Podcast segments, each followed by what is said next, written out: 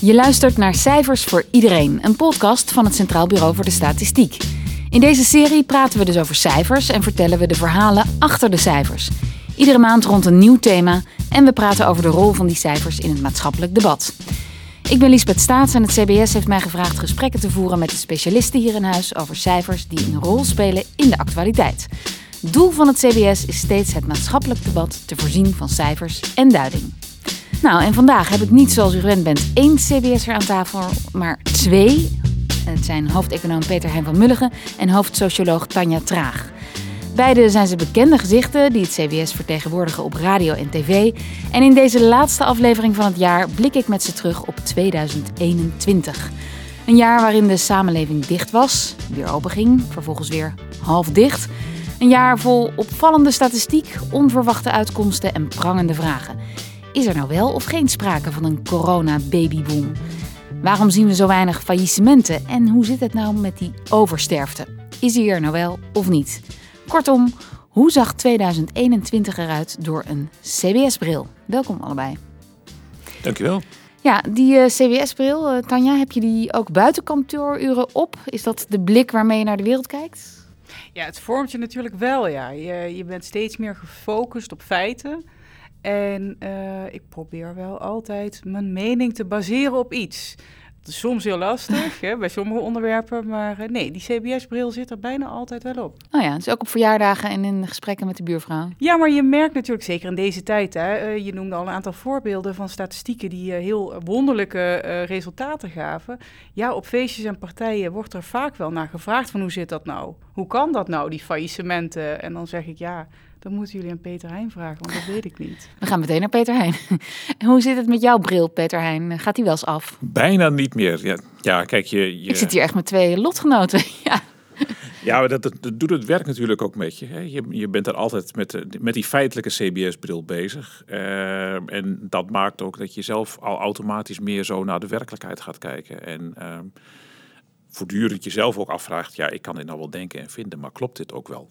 Ja. Uh, en dat is, ja, dat, dat verinnerlijk je. Dat, dat is niet een bril die je afdoet als je weer uh, naar huis gaat. Dus ja, af en toe ben ik helaas niet alleen in mijn werk, maar ook daarbuiten de irritante bedweter die uh, altijd wel weer een, een of ander neuzelig cijfertje praat heeft. Ik wou net vragen, zitten er ook nadelen aan die bril? Wat mij betreft niet, maar misschien denkt mijn omgeving daar anders over. Cijfers en feiten dus. Um, nou, dat, dat is een gevoelig onderwerp. Neem bijvoorbeeld een recente studie, inkomensverdeeld, trends tussen 1977 en 2019. Daar is kritiek op, of het wordt soms helemaal niet geloofd. Uh, hoe ga je daar dan mee om? We hebben het er wel eens eerder over gehad, maar hoe, ja, dat blijft een onderwerp. Ja, dat klopt. Uh, dat merk je heel duidelijk. Ja, inmiddels uh, ben ik er wel aan gewend. dat zeker wat dit betreft.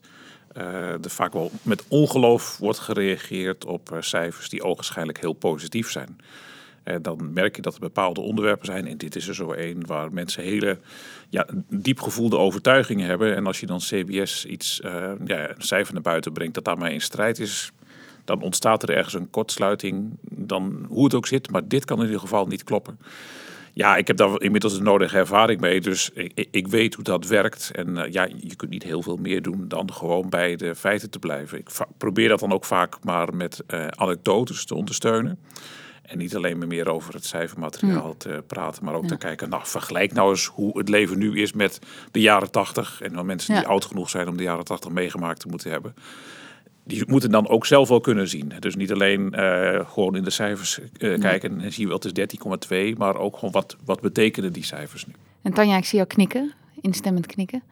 Herken je dat? Nou, ik herken in ieder geval wel die discussie dat mensen zeggen, ja, maar het geldt voor mij niet, dus het kan niet waar zijn. Um, of ik herken dat helemaal niet. En, en uh, wat je heel erg uh, leert als je hier werkt, is dat een gemiddelde, um, ja, dat, dat zegt ook niet alles. Het is vaak ook wel vanzelfsprekend dat als je in, uh, in Wassenaar woont, ja, dan herken je misschien soms de cijfers niet die Peter Heijn schetst. Of als je in Brunsum woont. Hè, dat, dat, het ligt er ook maar aan wat je sociale kring is. Mm -hmm. um, en ik vind het vaak ook heel leuk als je in een heel normaal gesprek met mensen dan toch kan laten zien van ja, hoe, hoe moet je dat plaatsen, zo'n cijfer? Ja, en een collega van jullie hier bij het CBS, Ruben van Galen, die wijt dit on onbegrip, zoals ik het dan nu maar even noem, voor een deel aan de cijferongeletterdheid. Nou, hij heeft uh, daar eerder over in een podcast gesproken. Laten we daar even naar luisteren. Word je niet wel eens heel moe daarvan om uh, opnieuw dezelfde vraag te beantwoorden? Ja, soms wel. Als het de indruk hebt dat iemand een bepaalde vorm van feitenimmuniteit of wantrouwen heeft. Feitenimmuniteit? Nou ja, als iemand dus eigenlijk onaanraakbaar is wat betreft de uitleg van feiten, dat kan soms ook gewoon wortelen in een vorm van wantrouwen die door andere redenen zijn ontstaan. Als dat allemaal speelt, dan is het moeilijk misschien om feiten te accepteren. En je moet ook niet veronachtzamen wat de effecten zijn van deze lockdown voor heel veel mensen. Dus mensen worden natuurlijk ook ongelooflijk getroffen, sociaal-economisch. Je moet ongelooflijk veerkrachtig zijn, qua financiën of qua andere vormen van zekerheid, om dit uit te kunnen zingen. Hmm. En je moet ook aannemen dat het wel eens veel erger had kunnen zijn als iedereen elkaar had mogen besmetten en het was gewoon exponentieel doorgegaan. Wat had dat dan betekend? Maar de discussie bijvoorbeeld rond die avondklok, ja. dat snap ik eigenlijk heel goed. We weten nog helemaal niet wat die beperkende maatregel nou doet voor de besmettingscijfers. Ja. Wisten we van tevoren eigenlijk ook niet goed. Nee. En toch wordt die gewoon ons opgedrongen. Ik begrijp dat ook. Ik loop graag hard s'avonds, meestal na negenen. En dan moet je nou wat anders plannen. Het is heel vervelend. Ja, feiten immuniteit noemt eh, Ruben van Galen het. En ook, um, ja, hij zei ja, je moet ook niet vergeten wat deze crisis met mensen doet. Herken je dat? Nou, dat stukje feiten, immuniteit, ja zeker. Hè? Dus je hebt een groep mensen die um, kost wat kost al hun mening hebben en eigenlijk niet meer luisteren naar wat. Ik maak altijd onderscheid tussen wat weten we en wat zou dat dan kunnen betekenen. Um, en we weten dat er feitelijk de laatste weken meer mensen zijn overleden dan dat je zou verwachten op basis van lange, lange termijn gemiddelde. Um, we weten dat het hoger is, maar we weten niet waar dat precies door komt. Dat kan van alles zijn. En sommige hypotheses zijn plausibeler dan andere. En vaccinatiesterfte, ja, ik denk niet dat dat een heel plausibel verhaal is, want de vaccinaties zijn veel eerder begonnen dan dat die sterfte opliep. Maar goed, we weten het nog niet. Dat is het onderscheid wat ik altijd probeer te maken. Dat klinkt echt heel erg schooljufferig. Mm. Maar soms moet je dat wel hard neerzetten, omdat buiten um, bepaalde cijfers, ook die van CBS, wel heel erg graag gebruikt worden om iets te bewijzen wat ze niet betekenen. Nee. Um, en dat is denk ik een beetje die feitenimmuniteit, hè, waar, waar ook uh, Ruben van Galen het over heeft.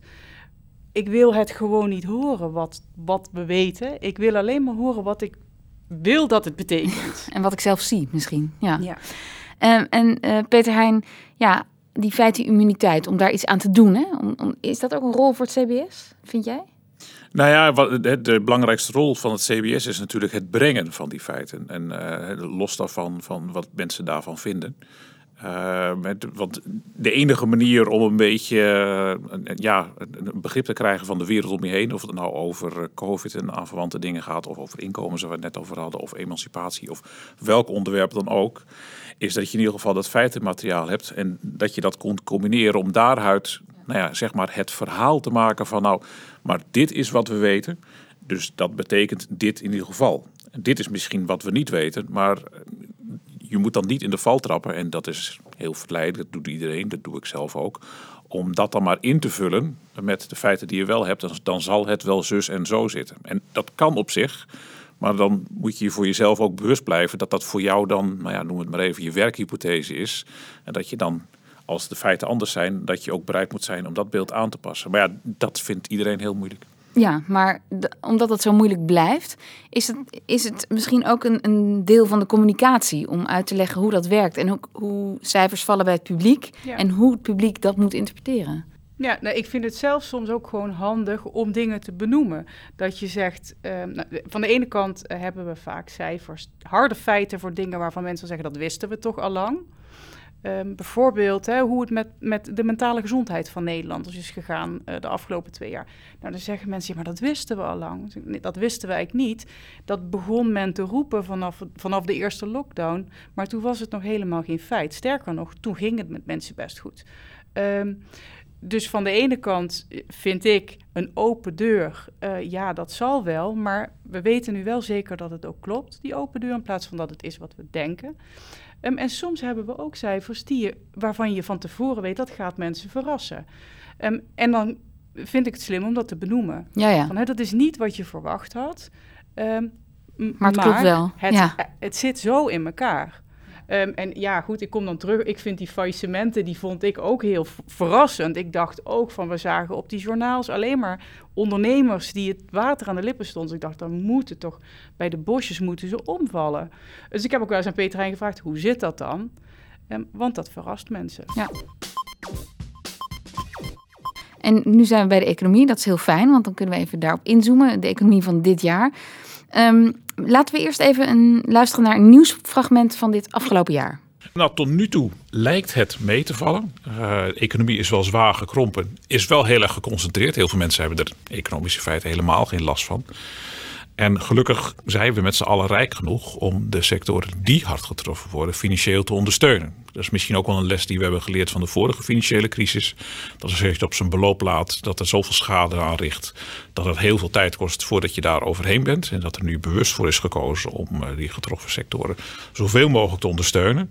Het heeft ook als gevolg gehad dat mensen krankzinnig veel spaargeld overhielden. Dus dat kan ook betekenen dat als corona straks wat weg hebt, dat er voldoende mensen gevaccineerd zijn, dat het onmiddellijke gezondheidsrisico wat kleiner is en dat de economie weer, eh, weer wat open kan ja, dat al dat spaargeld in één klap de economie inkomt. Uh, met een enorme groei als gevolg. En dat we er ook weer uh, heel sterk uitgroeien. Dat is nu even misschien een naïef optimistisch verhaal. Wanneer was dit, Petrijn? Dit was veel te lang geleden.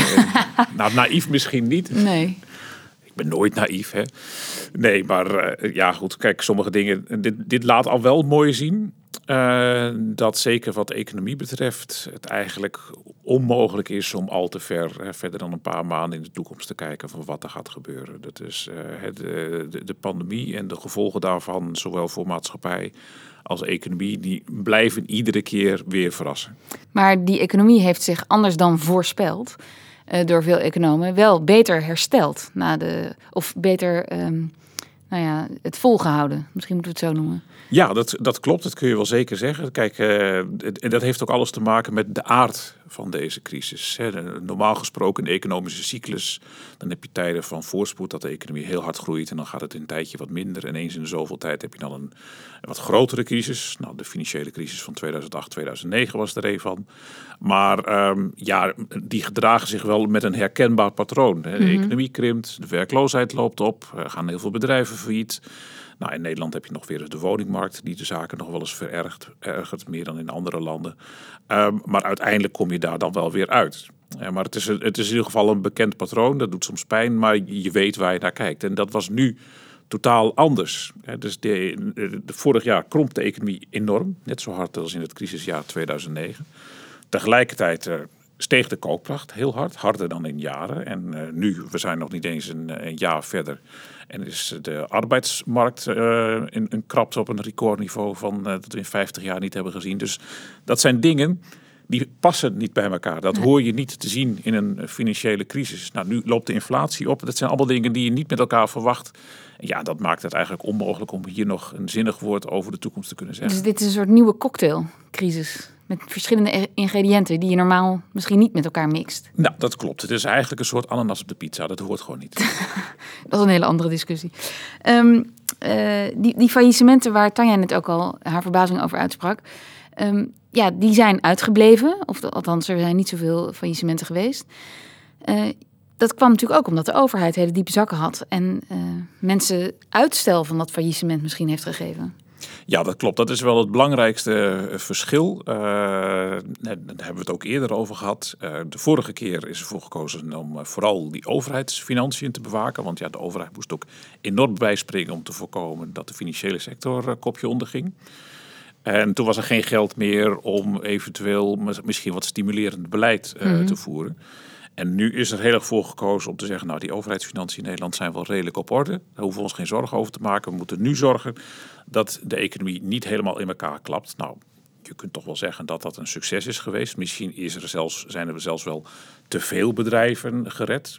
Ook het Centraal Planbureau heeft er in een studie al eerder op uh, gewezen dat dat, dat royale herstel- of uh, ondersteuningsprogramma van de overheid waarschijnlijk ook toe heeft geleid dat heel veel bedrijven die anders fietsen zijn gegaan, bleven bestaan, waardoor er onnodig extra krapte op de arbeidsmarkt was, uh, was ontstaan. Maar ja, als het alternatief is dat er ineens duizenden bedrijven failliet waren gegaan en tienduizenden mensen of nog wel meer Ja. hun baan waren kwijtgeraakt, kun je je afvragen of dat wel te prefereren was. Je zei net, ja, deze crisis laat ook zien dat je eigenlijk niet meer dan een paar maanden vooruit kunt eh, voorspellen in de economie. Maar wat denk je, die faillissementen van die bedrijven die het eigenlijk al niet redden, eh, gaan we die dan de komende maanden alsnog zien? Ja, dat zou heel goed kunnen. Die ondersteuningsmaatregelen die zijn met ingang van oktober gestopt. Ook de belangrijkste, de, de NOW, die eh, het bedrijf in staat stelde hun personeel dat misschien wat minder te doen had, toch te betalen. Uh, dus het zou kunnen dat we inderdaad in de komende maanden toch wel het aantal faillissementen op zien lopen. Of dat ook direct betekent dat heel veel mensen hun baan kwijtraken. Dat is nog niet gezegd, want het kan best wel zijn, nu de krapte op de arbeidsmarkt zo groot is, dat de bedrijven die niet kopje ondergaan en denken van nou jongens, heel fijn dat jullie je baan kwijt zijn, kom maar hier werken. Nou, je noemde al even die oververhitte arbeidsmarkt. Er zijn gewoon minder werklozen dan er vacatures zijn. Dus er is een tekort aan arbeidskrachten. Daar hebben we een fragment van. Er zitten opnieuw minder mensen zonder een baan. Hoe dat komt, dat hoor je zo. Goedenavond. Een nieuwe crisis dreigt op de arbeidsmarkt. Krapte. Vorig jaar nog werd gewaarschuwd voor massawerkloosheid en nu is er een schreeuwend tekort. Voor het eerst is het aantal vacatures in Nederland groter dan het aantal werklozen. Dat stelt het Centraal Bureau voor de Statistiek. Kun je daar een korte verklaring voor geven? Dat, het, dat er nu zoveel vacatures zijn en zo weinig mensen die die vacatures kunnen vervullen? Ja, dat is een hele uitzonderlijke situatie. Hè. Dat is, nou, wat ook net gezegd werd, een nieuw soort crisis. Een crisis op de arbeidsmarkt, terwijl we nog niet eens uit uh, corona zijn. Uh, voor heel veel bedrijven is nu de grootste zorg niet zozeer van... Uh, kan, maak ik de omzet nog wel, maar waar haal ik het personeel vandaan dat ik zoek? En dat is een hele uitzonderlijke situatie voor. Uh, er zijn wel verschillende oorzaken. Uh, sommige daarvan zijn incidenteel. Mm-hmm. Waar we het net al over hadden. Die steunmaatregelen die voorkomen dat bedrijven failliet gaan. Waardoor de mensen die dan bij een faillissement een baan kwijtraken... op een andere plek aan de slag gaan.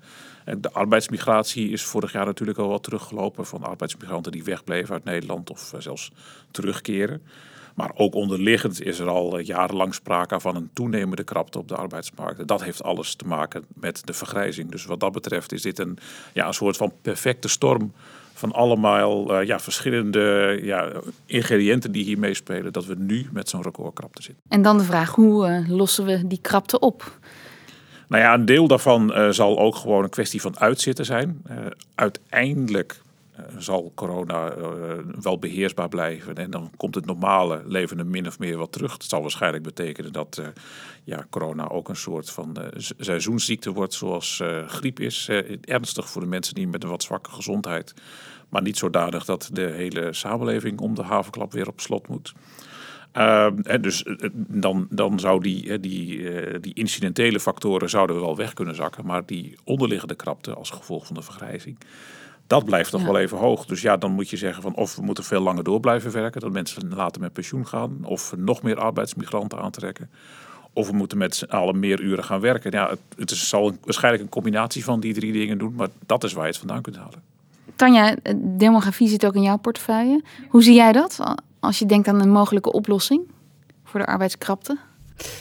Nou ja, uh, kijk, migratie is een belangrijk onderdeel van, van, uh, van onze arbeidsmarkt. Hè. We hebben veel uh, immigranten van buiten die, die komen om hier te werken, zowel binnen als buiten de EU. Um, corona heeft ervoor gezorgd dat dat een tijd helemaal plat lag. Komt nu wel weer op gang. Is nog niet helemaal terug op, op het normale niveau. Binnen de EU eigenlijk wel, maar van daarbuiten ja, zie je toch dat dat nog wat, wat achterblijft.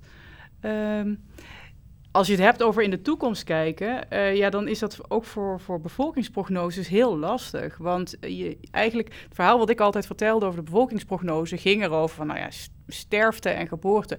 Dat weten wij altijd wel een beetje hoe dat gaat lopen. Immigratie, emigratie is wat lastiger, maar goed. Nou ja, eigenlijk ging dat allemaal op zijn gat uh, toen, uh, toen het maart ja. 2020 was. En we weten het nog steeds niet goed, hè? want um, er zijn nog steeds stukken van de wereld waaruit mensen niet zo in grote getalen naar Nederland komen als dat ze deden. Uh, andersom zie je ook dat er minder emigraties vanuit Nederland naar bepaalde gebieden. Um, dat heeft consequenties voor de bevolkingsopbouw, maar ook voor de arbeidsmarkt, uh, voor de woningmarkt. Um, En positief en negatief. Uh, vorig jaar gingen er meer kinderen uit huis of jongeren omdat er meer aanbod was in bepaalde plekken waar normaal expats of buitenlandse studenten zitten. Dus het heeft soms ook wel positieve effecten, maar hoe dat op de lange termijn door gaat werken, is natuurlijk maar de vraag. Ik hoorde gisteren op de radio toevallig over een woningcrisis. Um, ja, op een heel klein gebied, namelijk het Westland, waar arbeidsmigranten geen plek hebben om te verblijven, terwijl ze wel zeven, zes dagen per week in de kas werken.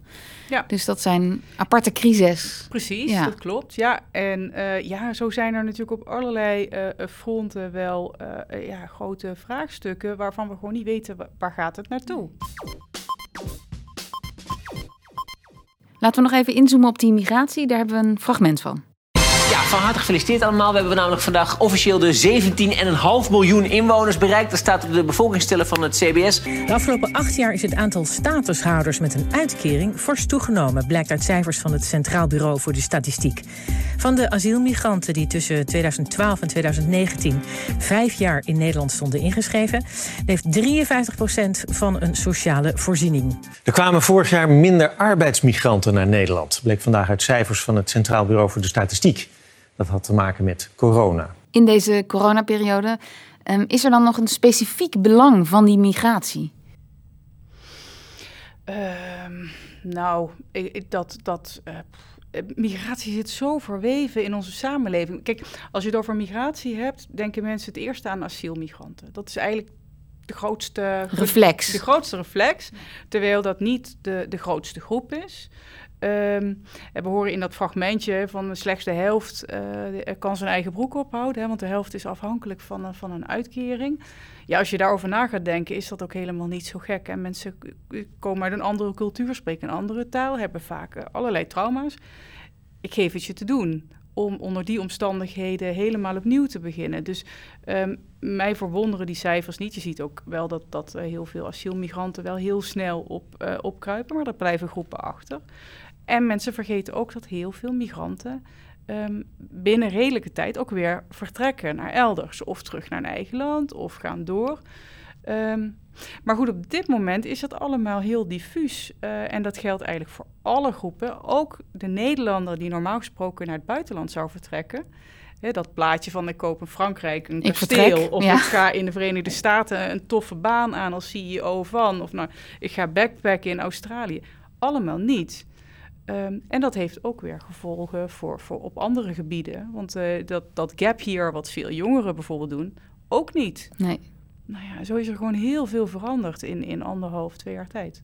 En het thema migratie, heeft dat ook invloed op onze cijfers um, van oversterfte in Nederland?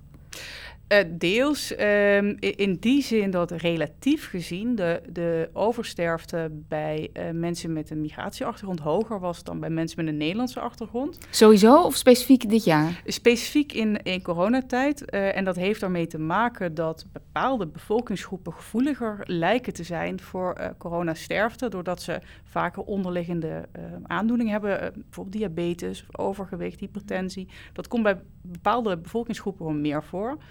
Uh, tegelijkertijd zijn migranten over het algemeen gemiddeld jonger. Dus als je kijkt naar alle sterfgevallen, zijn het niet vaker migranten. Maar relatief gezien hebben zij wel een hogere kans om te overlijden door, door corona. En ja, daar hoort ook bij dat die groep lastiger te bereiken is. Of in ieder geval, daar wordt minder gevaccineerd. Heeft dat daar ook mee te maken? Um, ik vermoed van wel, maar we hebben op dit moment, eh, en dat is echt heel jammer, eh, geen cijfers over vaccinatie. We weten ook niet goed, want dit, zijn veronderstellingen die, die we eigenlijk niet goed kunnen becijferen, omdat we niet weten, nou, uh, zijn mensen überhaupt ziek geweest? Worden mensen in bepaalde, met bepaalde achtergronden vaker ziek of niet?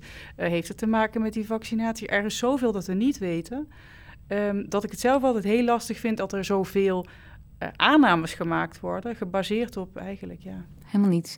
Nou, dan stoppen we meteen met deze aannames. En we gaan het hebben over een ander uh, onderwerp. De babyboom. Is die er wel of niet geweest in tijden van corona? Um, we gaan even luisteren.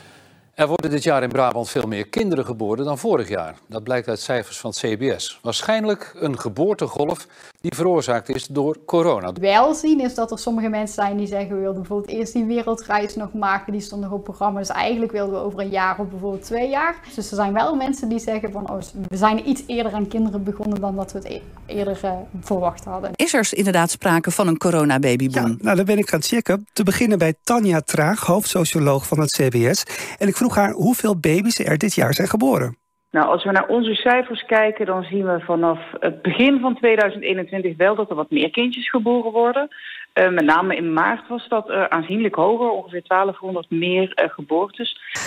In de eerste negen maanden van 2021 zijn 6800 kinderen meer geboren dan in dezelfde periode vorig jaar. Ja, dat draagt ook iets bij aan de bevolkingsgroei, zou je kunnen zeggen. Maar is er sprake van een babyboom of is dit gewoon een golfje? Ja, ik noem het een golfje. Het, is wel, het was uh, vanaf maart 2020 een van de meest gestelde vragen. Met een beetje de achtergrond van ja, als iedereen toch thuis zit en we zitten in een lockdown, nou wat ga je dan doen? Je gaat niet op wereldreis, dus dan doe je maar iets anders. Ja, ja. ja. Um, het is een hele simpele keuze. Ja, ja, ja dat, zo werd dat voorgesteld. Um, en, en ook een beetje, daar werd ook wel eens teruggehaald van ja, maar toen in New York waren er toch, uh, daar, dagen was er geen stroom. Toen was er toch ook een babyboom. Nee, die was er niet. Dat was ook zo'n aanname die gebaseerd was op niet zoveel. Um, maar goed, er worden gewoon de laatste maanden meer kinderen geboren dan dat je zou verwachten. En is daar een verklaring voor? Ja, nou ja, ik zei, ik zei al meer dan je zou verwachten, maar daar zat een aarzeling in. Want we hadden wel verwacht dat er meer kinderen zouden komen. Alleen nog niet dit jaar, maar eigenlijk pas over een jaar of drie, vier. Wat je namelijk al heel lang ziet, is dat vrouwen langer wachten met moeder worden. Die willen nog van alles. En je wil um, een leuk huis hebben, en dat is met deze woningmarkt niet zo makkelijk. Een vaste baan, liever dan een flexibel contract. Je wil nog wat uh, beleefd hebben in het leven. Vooral vrouwen zeggen dat vaker dan mannen, dat ze een carrière gemaakt willen hebben, maar ook nog ja, genoten willen hebben van het leven. Al die dingen moeten gebeuren voordat, voordat je aan een gezin begint. Um, dus je zag dat die leeftijd waarop vrouwen een kind kregen, die liep op. En we hadden eigenlijk verwacht 2024 dat daar een einde aan zou komen. Want op een gegeven moment ja, wordt je biologische klok wel penibel. Um, maar we zien dat dat iets eerder gebeurd is. En wat we denken is dat dat ligt aan een aantal dingen. Bijvoorbeeld, nou ja, wat eigenlijk in dat fragment al genoemd werd, die wereldreis ga je toch niet meer maken. Ik denk dat het thuiswerken helpt. Dat je makkelijker uh, werk en privé kan combineren, omdat je meer thuis kan werken. Um, ik denk ook dat de woningmarkt wat makkelijker uh, kan zijn in dat opzicht, omdat je niet zo dicht meer bij je werkplek hoeft te wonen. Dus je bent Aha. wat flexibeler in waar kan ja. je naartoe. Um, en een belangrijke factor bij uh, het geboortecijfer is de economie. En je ziet eigenlijk over de, de hele wereld de cijfers die we hebben, dat het geboortecijfer inkakte maar niet in Nederland. En in Nederland, Nederland is ook een voorbeeld van een land waar het economisch goed bleef gaan. Dus je zou kunnen zeggen, als je naar geboortes als thermometer kijkt voor de, voor de economie, dan beleven mensen het ook wel. Als Met dank aan de overheid dan. Nou ja, precies. Ja. Um, daar is onderzoek naar gedaan uh, gedurende coronatijd. In bijvoorbeeld Spanje, Frankrijk, Verenigd Koninkrijk zeiden jonge stellen, wij gaan nog even wachten, want je weet niet waar het naartoe gaat. Hou ik mijn baan? Hoe gaat het met de zorg? Nou, dat was in Nederland allemaal niet aan nee. de orde. En dus zie je dat er meer kindjes komen. En maar je zegt dus ook dus dat het de geboortes als het ware naar voren gehaald worden. Niet dat er ja, gewoon meer dat... kinderen geboren worden, ze worden gewoon iets eerder geboren. Precies. Dus ik vind, ja, ik denk wel dat het een corona-effectje is. Het woord coronababy ga ik niet gebruiken. Dat, dat zie je echt op Facebook, Twitter. Iedereen wordt daar heel boos van. En ik snap dat. Dat wil je niet bij je pasgeborene. Uh, maar ja, het is wel zo dat, er, uh, dat deze periode ertoe leidt dat mensen denken: dit is een beter moment dan nog even wachten. Ja. Dus een golfje en geen boom. Is het. Nee, een boom, dan denk ik toch aan hè, na de Tweede Wereldoorlog. Al die mannen kwamen terug van het slagveld, herenigingen. Um, iedereen uh, trouwde ineens uh, vrij jong, begonnen ook snel aan kinderen, kregen ook veel kinderen. Ja, dat was een boom. Dit is toch dan tot nu toe een klabbeltje. Klein. Maar we weten van um, cijfers over uh, prenatale screening ja, dat er nog heel veel vrouwen zwanger zijn. Meer dan dat je zou verwachten. En dat, dat het cijfer wel een tijdje hoog gaat blijven. Ja, ook. Dus dat golfje dus rolt je, nog even het strand op. Ja, ja, het is wel handig om vast te zorgen dat je wat kraamcadeautjes en kaartjes op voorraad hebt. Als je nog in die leeftijdscategorie zit, dat het om je heen veel gebeurt. Ja, ja. Nou, goede praktische tip. En Peter Heijn, eh, weet jij waarom we zo graag willen spreken over coronababies of een babyboom? Nou ja, kijk, hè, er, er wordt ge- gezocht naar dingen die eh, op, opvallen. En dit is er natuurlijk één. Dus het was, werd in het begin al gezegd, hè, net als het voorbeeld dat Tanja net noemt over die, eh, eh, die stroomstoring in eh, New York. Van nou ja, als mensen de hele tijd thuis zijn, dan zullen ze wel geen wereldreis gaan maken, maar, maar andere dingen doen. Dus, dus ook typisch zoiets dat mensen graag willen zien dat er is. En nou ja, goed, als er dan zo'n golfje is, dan wordt er al snel zo'n labeltje op geplakt. En die arme kinderen, dat die de rest van hun leven eh, een coronaboomer te horen gaan krijgen. Over 60 jaar. Beetje rom- romantisch ook misschien, dat we dat vinden. Stroomstoring of een coronacrisis, Als, meer als corona ooit een romantische connotatie blijft, eh, wordt, dan eh, nou, komt er misschien toch nog iets goeds uit voort. Maar laten we daar nu even niet van op, op vooruit lopen. Een ander veelbesproken aspect dit jaar en ook een, een, eh, veel ervaren eh, fenomeen is het thuiswerken. Nou ja, voor corona moest je daar met werkgevers uren voor om de tafel. Kan ik ook een dag thuiswerken? Nou, dat is opeens heel makkelijk gegaan door de crisis. Ehm, ja, dat, Peter Heijn, zie jij dat door de crisis dat dat opeens een doorbraak is geweest? Iets wat anders, nou misschien nog een heel raar, exotisch fenomeen was gebleven? Ik denk het wel. Eh, in Nederland vermoedelijk wel minder dan in heel veel andere landen. En dat heeft er ook mee te maken dat eh, onze hele intranet-infrastructuur veel beter is dan in de meeste andere landen ter wereld. Misschien met uitzondering van de Scandinavische landen, maar dan heb je het ook wel eens een beetje gehad. Eh, bijvoorbeeld hier op het CBS was thuiswerken ook al mogelijk, maar ook inderdaad niet gebruikelijk. Hè. Dat was echt eh, van, nou ja, als die dan anders kan. En het was niet zo, zeker niet de bedoeling dat je zomaar eens een keer een, eh, een dagje thuis bleef. Nee. Nou ja, nu kon het niet anders. Maar we hadden daarmee wel het geluk dat het ook kon. Dus die overgang was, eh, nou, dat was redelijk vlekkeloos. Dat zal bij heel veel bedrijven zo zijn geweest. En we zien ook nu terug in onze enquêtes die we bij eh, bedrijven houden, dat er heel veel bedrijven zijn die gaan ervan uit van ja, dit is ook na corona wel een blijvertje. Sommige bedrijven stimuleren het ook. Dus blijkbaar zien ze dat het ook eh, voordelen biedt. Want betekent natuurlijk dat je gewoon veel minder kantoorruimte nodig hebt. Eh, mensen hebben veel minder reistijd. Dus dat is ja, eigenlijk netto werktijd die erbij komt. Het verschilt wel een beetje per sector. Dat zal niemand verrassen. De horeca is thuiswerken toch wat lastiger dan wanneer je bij eh, de overheid werkt of in de, de zakelijke dienstverlening. Dat je je werk toch vooral Op het achter scherm een, doet. eh, Ja. precies. Dus daar kan het ook wel. En je ziet ook wel verschillen tussen bedrijfsgrootte. Grote bedrijven zijn er wat happiger op dan kleinere. Maar ook dat zal ermee te maken hebben dat bij grote bedrijven IT die, dat, die ervoor nodig is, waarschijnlijk wat beter geregeld is dan eh, bedrijven waar misschien maar twintig mensen werken. Maar ja, uiteindelijk denk ik dat ook na corona er toch wel sprake zal blijven zijn van een, een structurele eh, ommekeer. Dat eh, thuiswerken veel gewoner is geworden. En zie je eigenlijk ook al tekenen dat dat de fysieke werkomgeving gaat veranderen? Dus dat er minder grote kantoorgebouwen gehuurd of gebouwd worden? Nou ja, dat is het nu nog wat te vroeg. Hè. Dat soort cijfers dat, eh, die zijn altijd een beetje log voordat je dat daar wat in eh, terugziet. En je zou kunnen zeggen van dan zien we dat terug in bijvoorbeeld in de leegstand van kantoren. Nou ja, daar is niet sprake van een spectaculaire toename. eh, of dat er minder kantoren bijgebouwd worden. Zeker als je kijkt naar de fysieke infrastructuur is dat wel anders. Maar bijvoorbeeld als we kijken naar de cijfers over gewoon simpelweg het personenverkeer. Dus auto's op de weg, maar ook de check-ins in het OV. Dat is allemaal nog steeds veel lager dan, eh, dan voor, de corona. coronacrisis, Dus ja. het lijkt erop. Hè, het is natuurlijk een beperkte groep. Het is maar eh, iets van één op de drie Nederlanders, geloof ik, die het type werk heeft. Dat je in principe iedere dag eh, thuis zou kunnen doen. Er zijn heel veel mensen die misschien één dag in de week thuis kunnen werken, maar echt niet vaker. Maar goed, die groep is groot genoeg dat je het in dit soort dingen wel merkt. Nou, wat Tanja net al zei, het kan ook misschien voor de woonmarkt een, woningmarkt een oplossing zijn. Want tot nu toe zag je dat met name jonge en wat hoger opgeleide mensen, die trokken naar de Randstad. En, eh, en andere grote steden in Nederland. En daar is die woningnood het hoogst. Maar ja, dat zijn ook va- veel vaker de mensen die juist eh, het type werk eh, hebben dat relatief makkelijk thuis te doen Ja. is. Dus misschien werken we dan inderdaad gewoon wat vaker vanuit die eh, vrijstaande woning in Brunsum of Oude Pekela. En hoeven we niet allemaal in het centrum van Amsterdam te wonen. Nee. En Tanja, over dat thuiswerken, dat heeft heel veel invloed op je situatie en je leven als je gezin hebt thuis. Maar ook op je mentale gesteldheid. Want niet iedereen heeft een uitzicht in Oude Pekela en rust en stilte om zich heen. Is daar al iets over bekend? Nou, tot nu toe zien we, en dat zijn dan cijfers over het einde van eh, 2020, eh, dat die mentale gesteldheid van werknemers eh, die je kan koppelen aan dat thuiswerken eigenlijk heel goed is. Dus mensen vinden het heel fijn dat ze zelf uh, inspraak hebben op wanneer neem je verlof, wanneer doe ik mijn werk, um, hè, hoe verdeel ik mijn mm -hmm. tijd tussen werk en privé.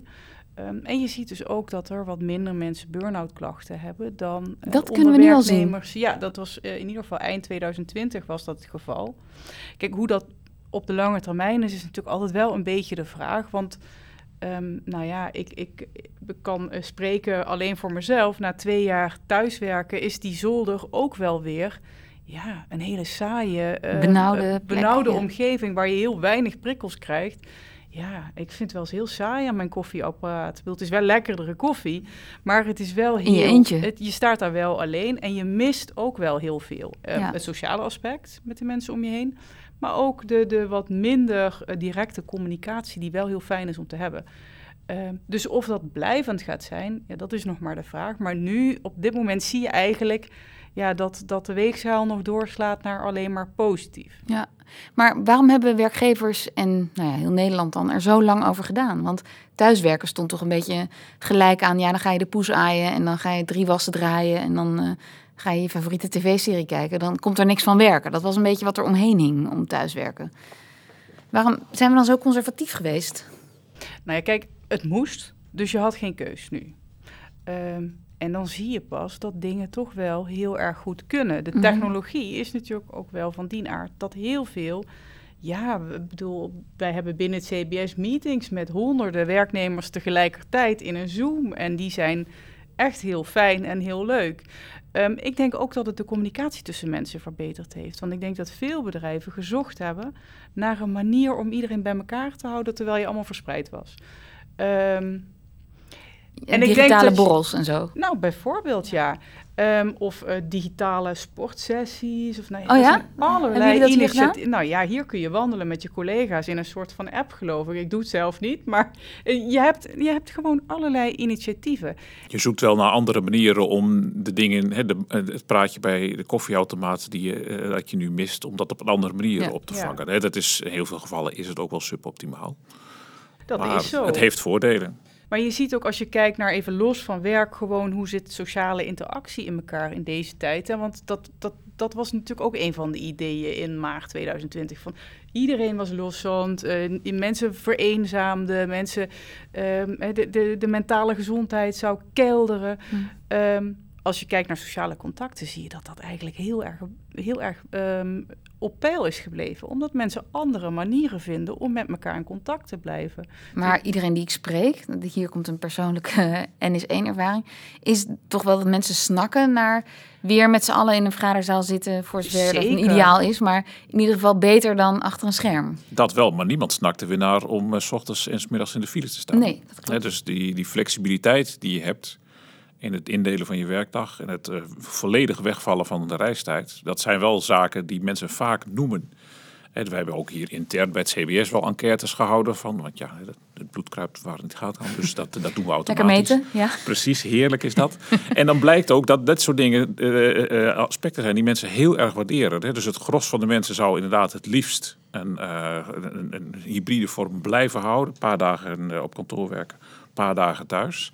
En het zijn maar hele kleine groepjes die zeggen van nee, ik wil weer de volle tijd naar huis. Ja. Maar ook weinig mensen die zeggen ik vind het prima zo, ik wil nooit meer uh, naar kantoor. Naar kantoor. En, en, en, wat je net vroeg van hè, waar komt dan die, die aversie vandaan bij werkgevers? Ik denk er ook dat het gewoon uh, onwennigheid was. Niemand had dat ooit meegemaakt. Ja. Uh, en de, de norm was altijd met z'n allen naar kantoor. Dat is Zeker als je dan wat in het hogere management zit. Het zijn mensen die al tientallen jaren hebben gewerkt. Dat is de manier waarop zij in de positie zijn gekomen waar ze nu zitten. Dus logisch dat dat in hun referentiekader de standaard was en de enige mogelijke manier. En in het begin was dat ook zoeken. Ik herken dat zelf ook alweer.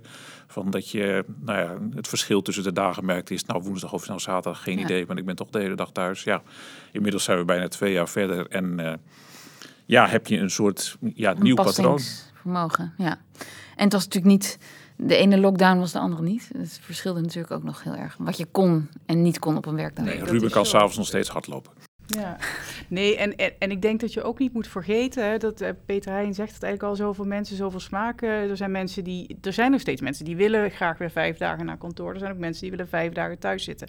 Maar er zijn ook mensen die heel slecht zijn in het zelf in de hand hebben van het verdelen van je tijd. Uh, voor wie dat doorslaat naar de verkeerde kant. En dat is de groep waarvan je kan zeggen, dat zijn de mensen die risico lopen op burn-out klachten. Ik weet niet hoe dat op de lange termijn zou gaan als we doorgaan met allemaal thuiswerken. Voor nu is het de norm. Ja. Um, we zijn niet allemaal Montessori-kinderen. Nee. Precies, nee, nee. Um, over die mentale uh, gezondheid en gesteldheid. Ik herinner me aan het begin van de coronacrisis, maar ook nog dit jaar, dat mensen zich heel erg zorgen maakten over nou ja, de gemiddelde Nederlander, hoe het daarmee zou gaan. En uh, er zijn toch ook heel veel mensen die alleen wonen. Um, wat weet jij daarvan? Hoe gaat het met ons? Uh, de laatste maanden gaat het wel minder. Je zag eigenlijk tot het vierde kwartaal van 2020 zat die mentale gezondheid wel stabiel. Uh, zag je eigenlijk geen ontwikkelingen, ook niet voor, voor bepaalde leeftijdsgroepen. Maar vanaf het einde van vorig jaar en doorlopend nu in dit jaar zie je wel dat er ja, het aandeel mensen dat aangeeft dat ze echt wel somberheidsklachten hebben, s ochtends niet uit bed kunnen komen, nou, die echt uh, frequent moeite hebben met, nou, laat ik even heel zwaar zeggen, het leven. ja, die nemen nu wel toe en dat zijn met name jongvolwassenen. Um, we hebben wat, wat dieper onderzoek gedaan naar hè, hoe, hoe zit dat dan. We hebben mensen gevraagd van hoe voel je je nu anders dan voor corona. Dan weet je nog steeds niet zeker, komt het een nou door het ander, maar het geeft je wel een beter beeld. Um, nou, dan zie je vooral jongeren die geven aan van ik voel me echt eenzamer, somberder, angstiger. Dat is echt die leeftijdsgroep? Dat zijn vooral uh, 18 tot 25-jarigen. Um, die groep daaronder uh, valt dat eigenlijk wel mee. En uh, ook de wat oudere leeftijdsgroep, met name de alleroudste, de, die laten de meeste stabiliteit zien. Het zijn echt de adolescenten, de mensen die hun sociale leven niet zozeer in hun, op hun thuisadres hebben, maar veel breder. He, dat, dat, uh, kijk, die leeftijd onder de 18 woon je vaak nog bij je ouders. Speelt je leven toch wat meer af op mm. die postzegel van je, van je ouderlijk huis. Maar daarboven ga je je eigen leven bouwen. Ja. En dat en kan daar, gewoon nee, niet. daar vallen de hardste klappen. Daar vallen de hardste klappen. En ja. zijn er is het aantal mensen met psychische problemen of mentale problemen gestegen? Of is het dezelfde groep, grosso modo, die zwaardere klachten heeft? Ja, dat is een hele goede vraag. Dat weten we eigenlijk niet zo goed. Um, ik vermoed meer het laatste. Um, maar helemaal zeker kunnen we dat niet zeggen. Je zou eigenlijk cijfers willen zien, bijvoorbeeld van, ook van, van GGZ-zorgen. Um, maar die hebben we helaas niet, uh, of nog niet. Dat, dat moeten we nog even bekijken. Um, maar ik denk dat met name de mensen die al het moeilijk hadden, al wat, wat lastiger zaten mentaal, dat die er meer last van hebben gekregen. Um, overigens het weer wel zo, een van die hete hangijzervragen die ik vaak kreeg was uh, zelfdodingen. Nemen die nou niet enorm toe als mensen alleen opgesloten ja. zitten in hun huis en nergens naartoe kunnen? We hebben het eerder dit jaar eigenlijk, ook, Ja, daar hebben we het al eerder over gehad. Dat zien we eigenlijk nog steeds niet, uh, gelukkig maar. En ook die zijn heel erg gekoppeld, die zelfdodingen, aan, aan het economische klimaat. Je ziet dat als mensen economische onzekerheid hebben, dat dat een enorme trigger is bovenop psychische klachten ja. um, tot, tot zelfdoding. En, dat, ja. en, en ook dat, uh, ja, dat is nu niet aan de orde. Nee. Dus en langer termijn, blijft dat ook Precies, zo. langer termijn weten we natuurlijk niet, maar vooralsnog uh, zien we het in die cijfers niet terug. 2021 was uh, statistisch een uh, interessant jaar. Hoe kijken jullie erop terug? Hebben jullie een kwalificatie of een idee over dit jaar? Als je eraan denkt. Het Peter was een bijzonder jaar en dat was het. en uh, ja, die bijzondere tijden zijn ook nog niet voorbij, denk ik. Dus we hadden al met z'n allen gehoopt dat als uh, een merendeel van de bevolking twee keer gevaccineerd was, dat het een oude manier van leven sterk, snel genoeg uh, terug zou komen. Nou, we kunnen allemaal zien dat dat niet het geval is. Dus ook voor 2022 eh, is die onzekerheid nog groot. Ook economisch. Kijk nu naar de snel oplopende inflatie. Mensen willen allemaal weten van nou, is het nou over een tijdje voorbij of blijft dat zo? Wat betekent dat voor de koopkracht? Je, je ziet dat ook duidelijk terug in iets als het uh, consumentenvertrouwen. Dat, mm. In de zomer uh, was dat echt gestaag aan het herstellen. En de laatste paar maanden zie je dat echt weer helemaal naar instorten. Niet, maar wel weer terugvallen. Dus dat betekent ook dat heel veel Nederlanders ook als het puur over economische kwesties gaat, uh, ja, toch wel uh, ja, last hebben van een toenemende somberte. Ze zijn daar echt pessimistischer over. En Tanja, als jij naar 2021 kijkt, hoe, wat is jouw associatie? Nee, toen je de vraag stelde, was ik erover nadenken terwijl Peter Heijn sprak. En ik, ik herinner me dat ik vorig jaar echt het gevoel had van een einde van een jaar en new beginnings. Ja, en nu heb ik het gevoel van we kabbelen gewoon door naar een volgend jaar. Als ik uh, de, die sterftecijfers die we iedere week uh, uh, bekijken, leiden toch niet tot heel veel ehm, vertrouwen dat het eindig is. Maar dat kan ook zomaar vrijdag weer anders zijn natuurlijk. Nee, het is ehm, voorlopig zitten we denk ik nog wel even met al deze, In deze situatie. rare Ja. cocktailcijfers. En los van de ernst van de crisis en de ziekte en de persoonlijke drama's, is dit voor een bureau, Centraal Bureau voor de Statistiek een leuke periode om statistieken uit te lezen of dingen te meten? Als saai is het in ieder geval niet. Leuk is misschien het, wo- eh, het, het, nee, het nou meest ja, even los woord. van, van, van al, al het drama, want dat is het. Nou, nou ja, als ik hè, puur met een economische blik eh, kijk, hè, wat ik in het begin ook al zei, van dit is ook in economische aspecten een jaar als geen andere. Hè. Wat we nu zien, dat is eigenlijk allemaal volstrekt nieuw. Dus ook als je er al met een beetje een soort van historische blik naar kijkt, van hoe is dit jaar anders dan, dan vorige, is dit eh, Interessant. leuk misschien niet, maar interessant zeker. Ja. Ja, dat, dat, eh, dat ben ik volkomen met, met Peter Heijn eens. Het is ook als socioloog, bedoel, alle theorieën die er bestaan, die passen helemaal niet op, op deze crisis. Dus ik denk ook wel dat er heel veel nieuwe inzichten gaan komen. En wat het vooral wel, ja, ondanks alle zware thematiek heel interessant maakt, is hoe alles in elkaar vlecht. En, en dat maakt het werk dan wel weer heel uitdagend. Benieuwd hoe we volgend jaar eh, op 2022 terugkijken. Ja, nou één ding dat ik nog wel heel positief vind. Dat is misschien een beetje een gekke manier om er zo over te praten. De, zeker in het begin werd er wel eens de vergelijking met de Spaanse griep gemaakt. En ook wel met de, de Hongkong-griep was het geloof ik in de jaren zestig. En eh, toen, eh, toen trokken we de- ons er ook allemaal niks van aan. Eh, en we vinden nu allemaal wel heel erg. Ook een, iets als een oversterfte heeft heel veel aandacht. En voor mij is dat toch ook wel een teken van eh, het, het grotere belang dat we zijn gaan hechten aan het, eh, aan het leven van een mens. Hè, dat we daar steeds minder tolerantie voor hebben voor eh, dit soort ellende. En denken van, ach nou ja, sterfte hoort er nou eenmaal bij. Ja. Precies, het is, het, is allemaal, het is allemaal normale gang van zaken. Dus dat accepteren we minder makkelijk. En eigenlijk eh, vind ik dat een heel positief teken. Dat we daar ons niet allemaal bij neer willen leggen. En dat we het ook eh, met z'n allen ac- accepteren dat er af en toe een lockdown nodig is. Om maar te zorgen dat eh, die Zoveel, oversterfte ja. binnen de perken blijft. Nou, mooie woorden aan het einde van het jaar. Dank jullie wel, Tanja Traag en Peter Heijn van Mulligen. Dit was Cijfers voor Iedereen, de laatste podcast van 2021.